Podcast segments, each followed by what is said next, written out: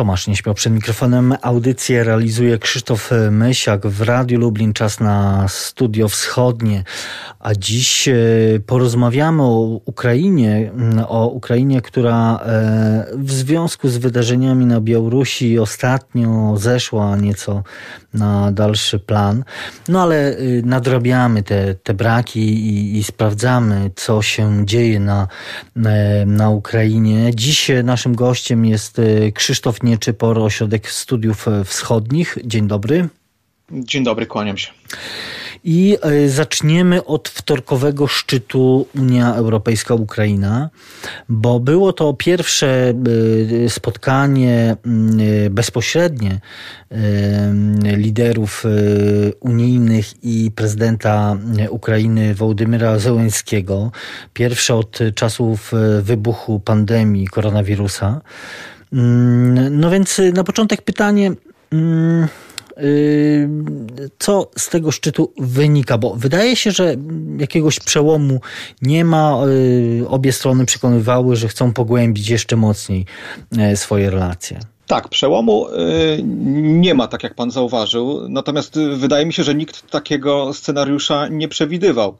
E, szczyty Unii Europejskiej i Ukrainy odbywają się cyklicznie, e, mniej więcej co roku e, i trudno byłoby oczekiwać, że w, w takim natężeniu moż, możliwe byłoby jakieś tutaj właśnie podejmowanie decyzji o takim strategicznym i istotnym znaczeniu. Jest to raczej spotkanie mające charakter do pewnego stopnia kurtuazyjny oczywiście, ale na którym padają również pewne deklaracje i decyzje odnośnie chociażby wsparcia Unii Europejskiej dla trudnego, długotrwałego i bardzo ważnego procesu reformowania ukraińskiego państwa. I takie też, takie też znaczenie miał ten wtorkowy szczyt.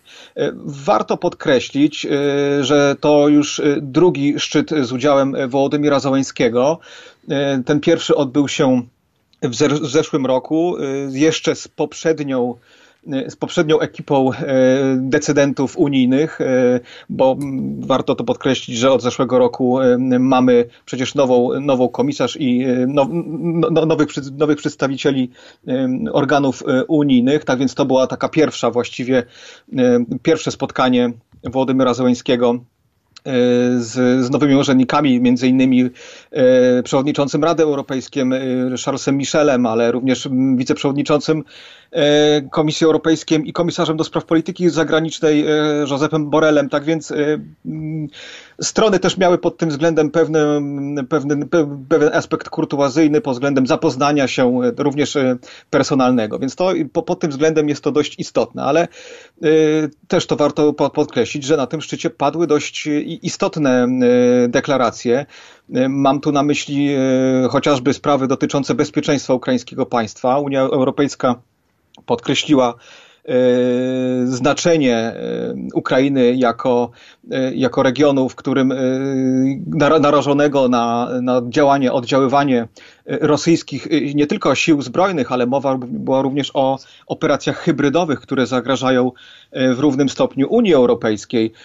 I to jest dosyć istotna deklaracja, biorąc pod uwagę to, że do tej pory Bruksela dość, wydaje mi się, e, z dystansem spoglądała na konflikt toczący się na wschodzie Ukrainy i takich e, deklaracji właściwie niewiele mówiących o, o, o głębokim zaniepokojeniu tudzież wezwaniach do deeskalacji. W tym oświadczeniu, które zostało e, opublikowane po spotkaniu Zołańskiego z przedstawicielami Unii Europejskiej, mamy bardzo, y, bardzo wyraźne określenie roli Federacji Rosyjskiej w tym konflikcie. Uważam, że to jest dosyć bardzo istotna kwestia, która no została to, podjęta. Mm, to mm, zacytujmy. Potępiamy nielegalną aneksję Krymu. Unia Europejska wspiera pełne wdrożenie porozumień mińskich i nie uzna nielegalnej aneksji Krymu i Sewastopola przez Rosję. To, to jeden z elementów tego oświadczenia Charlesa Michela właśnie, tak. Który też przypomina o, o, o, tych przedłużonych sankcjach unijnych wobec Rosji. Tak, ale warto również y, spróbować wczytać się y, bardziej dokładnie w te oświadczenie, bo oczywiście oprócz tych y, właściwie dosyć no, regularnych fraz dotyczących właśnie nienaruszalności integralności terytorialnej Ukrainie, zachowania jej suwerenności w związku z aneksją Krymu. Y, wydaje mi się, że y, warto zwrócić uwagę i to jest istotne, że tam również została zwrócona uwaga na działania Federacji y, Rosyjskiej na wschodzie Ukrainy.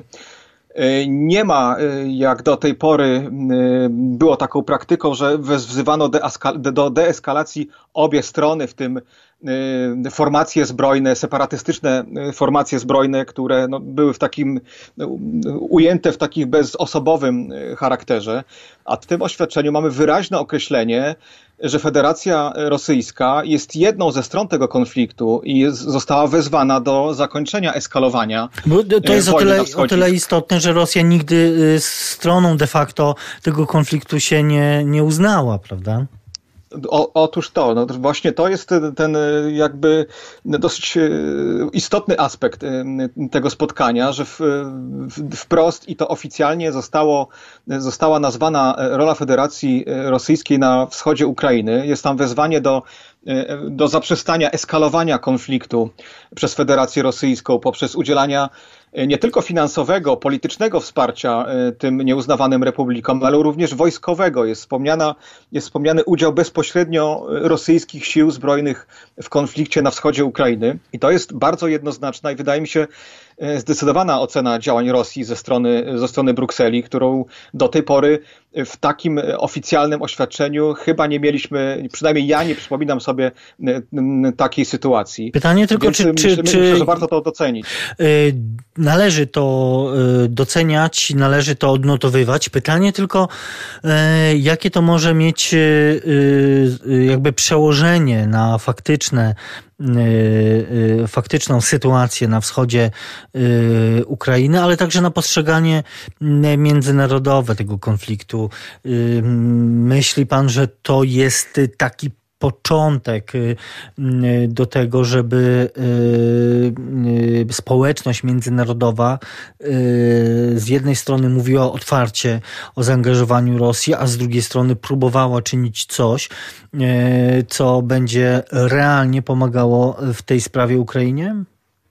Jak pan słusznie zauważył, jest to pewne złamanie tej narracji strony rosyjskiej o tym, że jest ona mediatorem w tym konflikcie. Y, propozycjonowała się y, cały czas, zwłaszcza w oczach y, świata zachodniego, używając do tego środków dezinformacyjnych, propagandy, środków informacyjnych właśnie w tym aspekcie, żeby przedstawiać siebie jako stronę niezaangażowaną, a jeśli zaangażowaną, to właśnie w, w rolę tak zwanego mirotworca, czyli siły, które, sił pokojowych, które dążą do, do rozładowania napięcia pomiędzy obiema stronami. No w, tym, w tym oświadczeniu wyraźnie zaznaczono, że ta, ta narracja nie działa. Ona przestała odgrywać rolę i Unia Europejska nie daje się na to nabrać. To ma tyle istotne znaczenie, bo wydaje mi się, że niewątpliwą zasługą takiego właśnie postrzegania roli Federacji Rosyjskiej są działania bezpośrednio prezydenta Wołodymyra Zołańskiego, warto przypomnieć, że to właśnie od czasu zajęcia przez niego fotela prezydenta Ukrainy obserwujemy znaczącą aktywizację negocjacji międzynarodowych, do których on i jego administracja bardzo się, bardzo się przyłożyły, właśnie w tym aspekcie, że odbył się szczyt formatu normandzkiego w Paryżu z udziałem Niemiec, Francji, Federacji Rosyjskiej i Ukrainy. No Zełenski to obiecał w kampanii wyborczej, to było jedna ze sztandarowych jego obietnic. Mówię tutaj o w ogóle o, o działaniach, które zmierzają do zakończenia wojny na wschodzie. Tak, i mamy już półtora roku od czasu inauguracji prezydenta Załańskiego i wciąż y, aspekt y, rozwiązania konfliktu na wschodzie jest głównym decydującym aspektem jego prezydentury. I to rzeczywiście jest doceniane e, na Zachodzie. Jest, jest widoczna aktywność e, zarówno jego samego e, na, na, w różnych formatach negocjacyjnych. Mówię tutaj o formacie normandzkim, ale również w, w stosunkach dwustronnych przy każdej okazji prezydent Zełański podnosi kwestię Donbasu i kwestię uregulowania konfliktu na wschodzie ukraińskiego państwa. Jest to, jest to stałym elementem agendy ukraińskiego Ministerstwa Spraw Zagranicznych e, i wydaje się, że właśnie e, te kwestie, które zostały zauważone w oświadczeniu dotyczącym Federacji Rosyjskiej, jest zasługą działań administracji prezydenta e, Zełańskiego, jego inicjatywności, jego determinacji właśnie w tym, w, tym, w tym kierunku. Oczywiście jest to pewnym odzwierciedleniem jego polityki wewnętrznej i starań o to, o, o własne poparcie w, wewnątrz, wewnątrz kraju. E, tak jak pan e, zauważył, jest to była to jego jedna z głównych, było to jedno z głównych haseł kampanii wyborczej, na którym e, zdobył on wysokie poparcie i on stara się spełnić te obietnice. To również to należy docenić, że jest osobą, która która przynajmniej y, stara się odpowiadać y, za swoje obietnice, za swoje deklaracje i w tym, i w, tym aspekcie y, rzeczywiście robi on dużo. Zresztą wystarczy, wspomniałem o, wystarczy wspomnieć o, o tym szczycie, który się odbył w grudniu zeszłego roku w, w Paryżu, ale to są również inne działania, między innymi wymiana jeńców. Około 200 osób zostało uwolnionych z separatystycznych i rosyjskich więzień. I to się, i to się Ukraińcom podoba, to widać choć choćby w badaniach sondażowych. Zdecydowanie. Znaczy, to ma oczywiście pewien e, charakter e, pewnego marketingu politycznego, żeby przedstawiać e, działania prezydenta Zołańskiego jako skuteczne, ale to przecież ma również charakter humanitarny. To są rzeczywiście osoby, które przebywały, niektóre z nich kilka lat w, więzieniach, torturowane. Wystarczy wspomnieć reżysera Olega Sencowa, który również był przetrzymywany. Tak więc to ma również pewien charakter ludzki, pewien charakter humanitarny y, i, i wydaje się, że rzeczywiście y, Wołodymyr Zełański y, ze szczerą intencją podchodzi do tego problemu i naprawdę zależy mu na tym, żeby, tak jak on sam to mówi, zaprzestać rozlewu krwi na wschodzie kraju. Kwestia bezpieczeństwa i nienaruszalności terytorialnej Ukrainy to, to jeden z E, ważniejszych tematów, ale też nie jedyny. E, były też prowadzone rozmowy dotyczące sfery gospodarczej. E, Unia Europejska jest i będzie największym partnerem Ukrainy. Mówi Charles Michel, zapewnia, że Unia Europejska będzie wspierać Ukrainę w jej reformach wewnętrznych. No właściwie dzisiaj wiemy jedno, że bez tych unijnych, bez zachodnich pieniędzy, funduszy, Ukraina nie jest w stanie poradzić sobie z, też z wewnętrznymi problemami. Mm, tak. I, tutaj przechodzimy do, y, do kolejnego aspektu tego szczytu, bardzo, bardzo wydaje mi się ważnego. Mianowicie tłem tego spotkania w Brukseli były wątpliwości, wątpliwości odnośnie determinacji, tak to nazwijmy, Kijowa w zakresie walki z korupcją. W ciągu ostatnich e, dwóch miesięcy e, doszło do pewnych e, prób wpłynięcia na niezależność organów antykorupcyjnych na Ukrainie. Mam tu na myśli, mam tu na myśli agencję do spraw walki z, z, korupcją, w którym Najwyższy Sąd Ukraiński uznał za powołanie szefa tej, tej instytucji, uznał za niekonstytucyjne. E, ponadto mamy, e, mamy sprawę prokuratury antykorupcyjnej, która, e, której, szef, której szefowi skończyła się kadencja, natomiast sposób wyboru jego, jego zastępcy no, wy, wy, wywołuje wiele kontrowersji. Została powołana komisja, która powinna być, powinna cechować się merytorycznością, powinna być złożona z osób, które, które posiadają autorytet w dziedzinie właśnie a walki z antykorupcją, autorytet w dziedzinach prawa, natomiast mamy do czynienia z osobami powołanymi ze stricte politycznych powodów, co ma, co wzbudza pewne wątpliwości odnośnie dalszej pracy tych, tych organów. Tak, taką, tutaj... analizę, taką analizę tej sytuacji, e, o taką analizę pokusił się były prezydent e, e, Ukrainy Petro Poroszenko, tak. który skądinąd jest chory na COVID-19. Jego stan się, przynajmniej tak donosiły media, się pogorszył w ostatnich dniach, ale na łamach Europejskiej Prawdy on analizuje te, te wydarzenie i też zarzuca ekipie prezydenta Zełenskiego właśnie, że no, wręcz demoluje y, antykorupcyjną strukturę na Ukrainie i, i y, y, właśnie alarmuje, apeluje o to, żeby, żeby mm, tę sprawę z jednej strony wyjaśniać, a z drugiej strony, żeby no właśnie, żeby ten kierunek prozachodni utrzymywać. Oczywiście Petro Poroszenko jako główny konkurent polityczny Wołodymyra Załańskiego e, ma swój interes w tym, żeby przedstawiać tą sytuację w takich katastroficznych e, w takiej katastroficznej wizji, ale rzeczywiście e, sytuacja wokół organów antykorupcyjnych, no, tak jak stwierdziłem, wzbudza pewne wątpliwości, jest zastanawiające i no i rzeczywiście jest to pewnym przedmiotem troski ze strony unijnych decydentów, tak to określmy. E, zresztą e, niecałe dwa tygodnie temu e, Kijów odwiedził wiceprzewodniczący Komisji Europejskiej Josep Borrell, który w takim artykule napisanym tuż po tym spotkaniu w Kijowie z przedstawicielami ukraińskich władz stwierdził, że Ukraina nie może więcej traktować Unii Europejskiej jako bankomatu czyli takiego, takiej instytucji wydającej pomocy, e, pomocy finansowej na, na, na, na różne bolączki, które, na które cierpi ukraińskie państwo. I to było takie Zatem, pogrożenie palcem.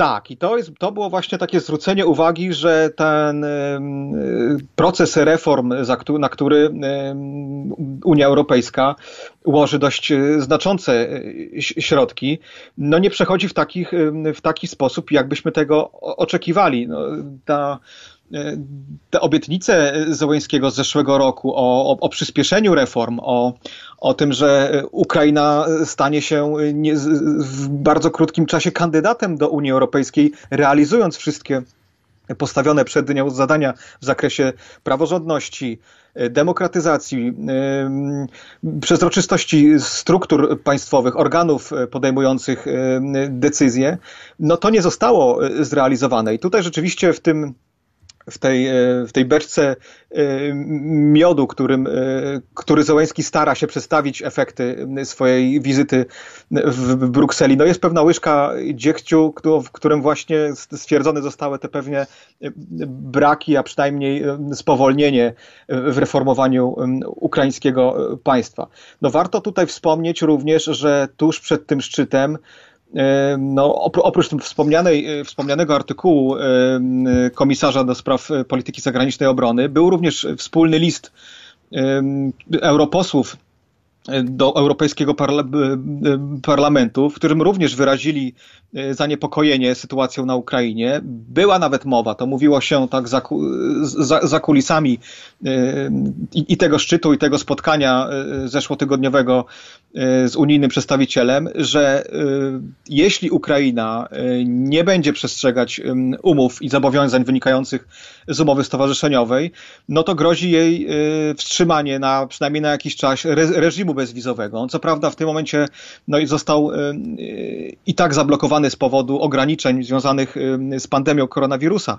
Niemniej jednak wszyscy oczekują, a zwłaszcza Ukraińcy, którzy podróżują na, na, zachód, e, na zachód Europy, do Unii Europejskiej, chociażby z przyczyn e, zarobkowych, bardzo liczą na, na, na otwarcie tych granic. Więc to było takie pogrożenie palcem, które rzeczywiście miało, za którym stało, stało rzeczywista groźba pewnych restrykcji ze strony, ze strony Brukseli. Również mówiło się o wstrzymaniu pomocy makrofinansowej w wysokości 1,2 miliarda euro, co rzeczywiście również byłoby bardzo dużym uderzeniem w, w budżet ponieważ y, y, uchwalone, uchwalony budżet y, ukraińskiego państwa przewiduje te środki w, w, swoim, w, w, swoim zbiorze dochodów na, na ten rok. Więc w związku z tym to nie, nie tylko miałoby tak również gospodarczy, ale przede wszystkim wizerunkowy dla Wołodymyra Załańskiego aspekt jako osoby, która nie do końca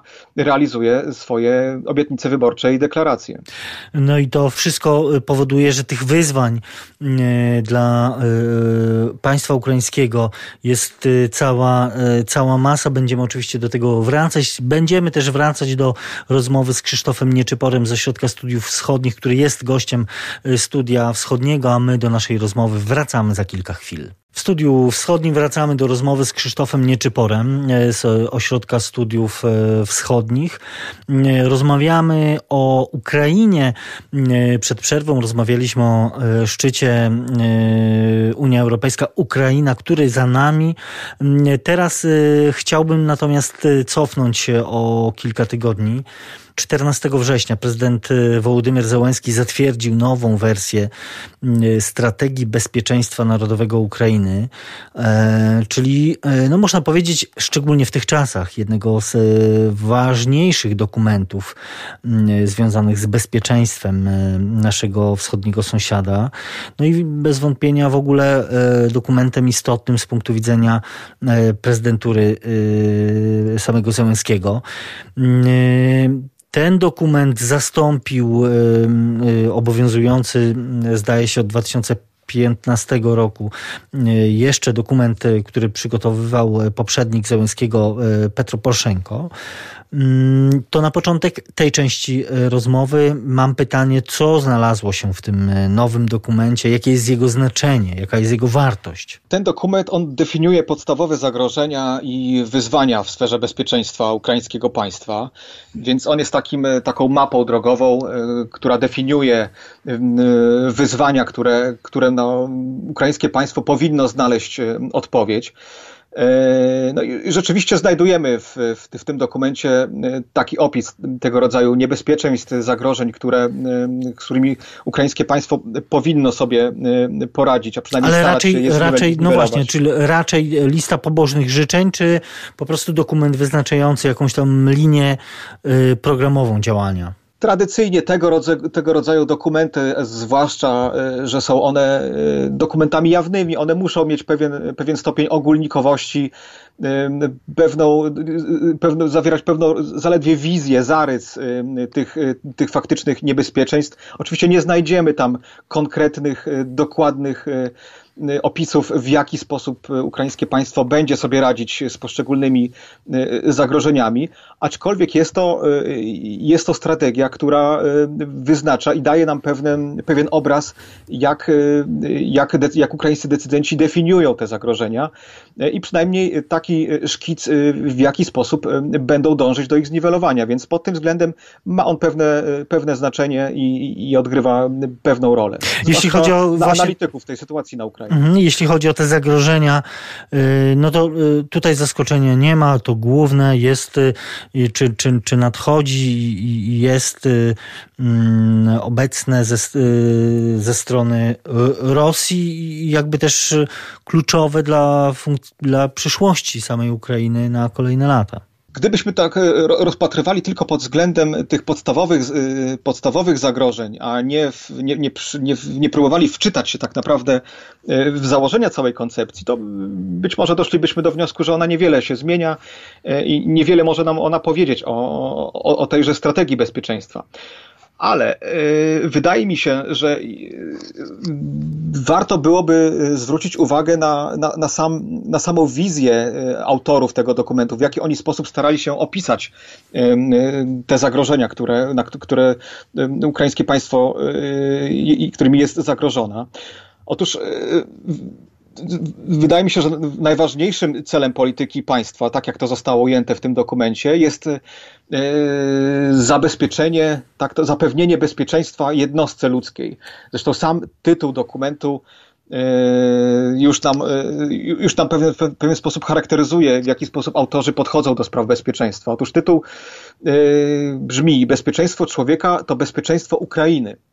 I to, wychodząc z tego aspektu, możemy się domyślać, jak będzie realizowana ta, ta strategia. Otóż warunkiem urzeczywistnienia postulatu zapewnienia bezpieczeństwa jednostce ludzkiej jest zachowanie przez nie prawa do życia i godności. To jest głównym, e, głównym celem działalności ukraińskiego państwa. Nie walka, tak jak w poprzedniej, tak jak pan stwierdził, poprzedniej e, strategii z 2015, walca z walce z zagrożeniami zewnętrznymi, z Federacją Rosyjską, z zachowaniem integralności terytorialnej, ale zachowaniem e, prawa do, do życia i godności przez jednostkę, przez jednostkę ludzką. A warunkiem urzeczywistnienia tego, urzeczywistnienia tego postulatu jest przywrócenie pokoju. I tu dochodzimy do, do, do całego dokumentu, mianowicie zachowanie pokoju przez ukraińskie państwo jest głównym y, celem y, decydentów ukraińskich. Czyli zachowanie suwerenności, integralności terytorialnej, ale w, w ramach pokojowego y, sposobu rozwiązywania konfliktów. I te, to nas doprowadza do, do, do, do, innej konstatacji, mianowicie e, takiej, w której e, Ukraina wyklucza, e, wyklucza konfrontację z Federacją Rosyjską w aspekcie zbrojnym. No tak, tylko że te rozmowy, tak, czyli pokojowa próba rozwiązania sytuacji, mm, no one toczą się już tak szósty rok i niewiele z tego wynika. Zgoda, aczkolwiek to też jest no, wynikiem e, pe, pe, pewnego, e, pewnego rodzaju e, no, konstatacji, refleksji, że konfrontacja zbrojna z Federacją Rosyjską po prostu jest bez, bez, beznadziejna, bez, bez, żadnego, bez żadnej możliwości odniesienia sukcesu w tym, w tym aspekcie. I warto w takim razie zwrócić się w stronę, jakich, jakimi konkretnymi środkami ukraińskie państwo będzie starało się rozwiązać tę sytuację.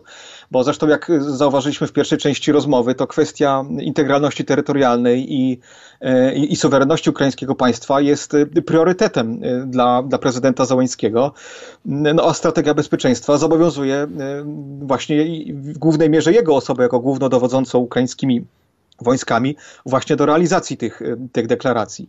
E, ja oczywiście, ja oczywiście trochę prowokacyjnie e, mówiłem o tych rozmowach, które nie dają re rezultatu, e, też chcąc no, pokazać ogromne wyzwanie, jakie stoi także przed y, y, całą, y, całą Ukrainą. Ale no właśnie, powiedzmy o tych, tych działaniach, które wynikają z, tego, z tej strategii, z tego dokumentu, które mają służyć tej poprawie bezpieczeństwa państwa, bo oprócz ogólnikowego stwierdzenia, mam wrażenie, współpracy choćby z NATO,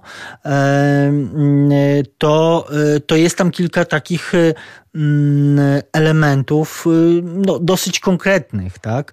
E, mówimy też tam o, o, nacisku, pada tam też, też ta formuła nacisku na Rosję, mm, tak. E, prawda? Ale, ale jest też mowa o działaniach zmierzających do unowocześniania e, sił zbrojnych Ukrainy, no i, i, i też unowocześniania w tym kierunku, by rezygnować ze sprzętu, mm, który jeszcze sięga czasów Związku Sowieckiego, E, czyli e, e, modernizujemy armię na zachodnim sprzęcie? Zgadza się. To znaczy, no, w, w, tym aspekcie się zgodzę, że mamy tam pewien fragment dotyczący modernizacji ukraińskiej armii, ale jeśli popatrzymy na y, tą strategię z 2015 roku, gdzie był, gdzie mieliśmy wręcz cały rozdział poświęcony temu aspektowi modernizacji ukraińskiej armii, wspólnymi, wspólnymi manewrami z armiami państw Europy Zachodniej, w tym, w tym NATO, E, angażowania e, w ogóle e, współpracy sił wojskowych ukraińskich z partnerami zachodnimi było bardzo istotną częścią poprzedniej, poprzedniego dokumentu.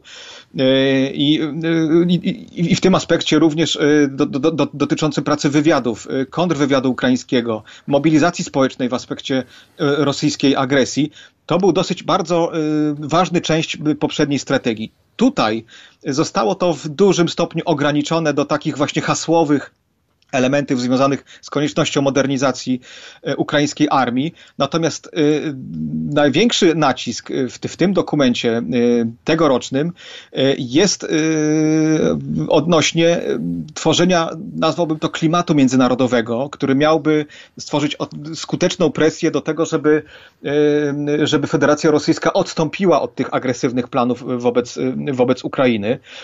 Jeżeli mówimy o, o modernizacji, o udziale sił zbrojnych, to tylko w takim aspekcie, a żeby one e, były na tyle silne i na tyle zdolne do, do, do, do odparcia ataku, żeby Federacji Rosyjskiej nie opłacał się taki podjęcie tego rodzaju działań. Więc e, tak jak podkreślałem na początku z, tym, e, z tą kwestią związaną z zachowaniem pokoju i szukaniu pokojowych środków rozwiązywania konfliktu, no to właśnie ten aspekt militarny jest podkreśleniem tej tendencji. To znaczy armia ma ma, ma pełnić rolę odstraszającą, a, a, a nie ofensywną. I to wydaje mi się, że jest to dosyć sporą różnicą w, w odniesieniu do poprzedniego Jasne. dokumentu. A jak zatem miał, e, miałby ten e, e, tworzenie tego klimatu międzynarodowego w myśl tego dokumentu wyglądać?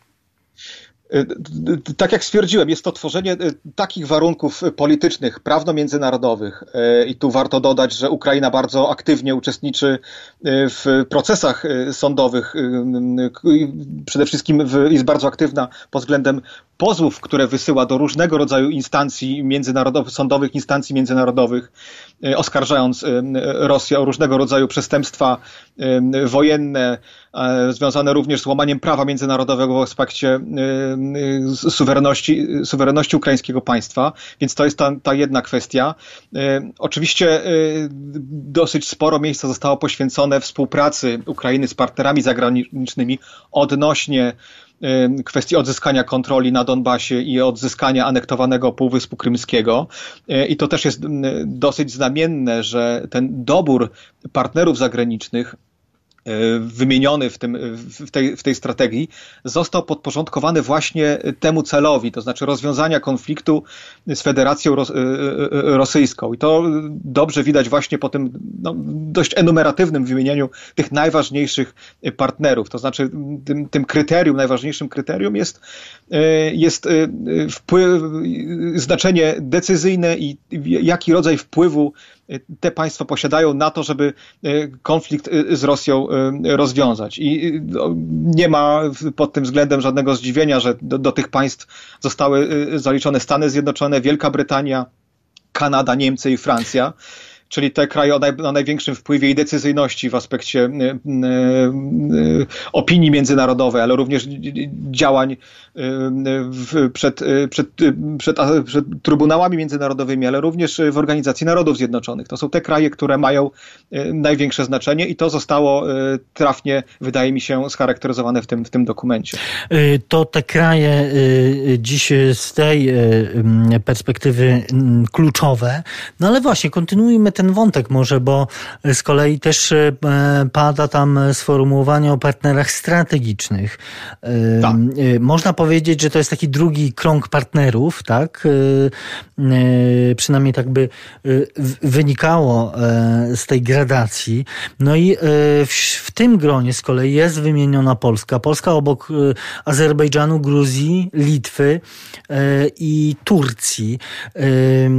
To pewnie też jest zastanawiające pytanie, jaka właśnie e, e, powinna być rola Polski i dlaczego akurat, e, można powiedzieć, zostaliśmy wrzuceni do jednego worka z tymi krajami. No ale należałoby też odnotować, że w poprzednim dokumencie Polski w ogóle nie było. To ten, ten drugi krąg, jak pan, pan, pan, pan określił, te państwa, z którymi Ukraina chce zachować strategiczne relacje, to również kryterium w, tym aspekcie dotyczy integralności terytorialnej, suwerenności ukraińskiego państwa. To znaczy, Y, ta kwestia y, rozwiązania konfliktu i y, z Federacją Rosyjską ma absolutnie priorytetowe znaczenie również w aspekcie prowadzenia polityki zagranicznej przez ukraińskie państwo. I to widać właśnie z, z układu tych państw, którymi Ukraina ma, ma układać swoje stosunki. I dlatego też również zostaliśmy dołączeni do do tego, do tego grona jako jedno z państw, które y, aktywnie wspiera y, ukraińską niezależność i niepodległość. Y, I dlatego też znaleźliśmy się, uplasowaliśmy się w, wśród krajów chociażby takich jak Azerbejdżan, co mogłoby początkowo nas, nas dziwić, być może nawet w jakimś stopniu rozczarowywać, biorąc pod uwagę porównując więzi, jakie łączą nas, historyczne, kulturowe, gospodarcze, z Ukrainą, a jakie więzi łączą Azerbejdżan. Jest, jest wyraźna różnica na, na, powiedziałbym, na naszą korzyść, ale jeszcze raz wrócę do tego i podkreślę ten aspekt. Te kryterium jest absolutnie poświęcone aspektowi integralności terytorialnej państwa i z tego względu Azerbejdżan znalazł tam swoje miejsce. Y, od samego właściwie e, początku, e, po 2014 roku, kiedy doszło do aneksji Krymu i do wydarzeń e, na, na, wschodzie, na wschodzie Ukrainy, Azerbejdżan wspiera ukraińską, y, ukraińską integralność y, terytorialną, podkreślając, że nie uznaje aneksji Krymu, stwierdzając, że odbyło się to ze złamaniem prawa międzynarodowego.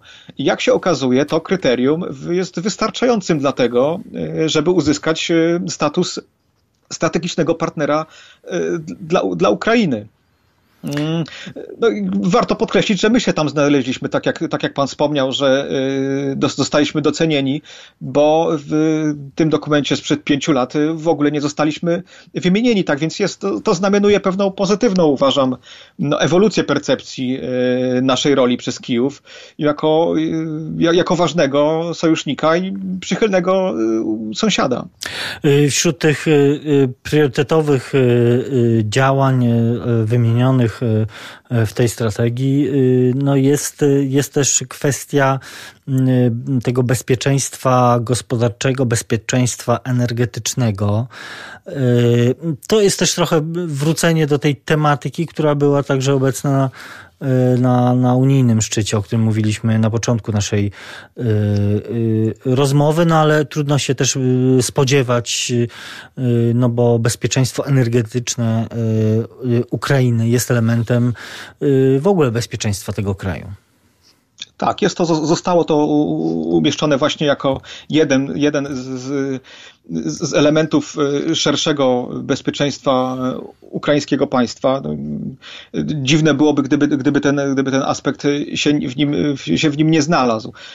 E, więc e, ogólnie rzecz biorąc, wydaje mi się, że, że dokument dość dobrze charakteryzuje zagrożenia i z, można, można z niego wywnioskować, że rzeczywiście te zagrożenie ze strony Federacji Rosyjskiej i odzyskanie kontroli nad Donbasem i powstrzymanie tych, tych działań hybrydowych prowadzonych przez Rosję, a także próby, próby odzyskania anektowanego Krymu, to są te priorytety ukraińskiego państwa, co jest kompatybilne z, z działaniami Wołodymira Załęckiego. Myślę, że to warto również podkreślić, że ten dokument wpisuje się w politykę prezydenta Załęckiego, jego, jego działań na arenie międzynarodowej. Wspominaliśmy właśnie o, tych, o tej jego aktywności w stosunku do partnerów zachodnich, przekonywania o faktycznej e, e, roli Federacji Rosyjskiej w, działaniach na, na, na wschodzie kraju.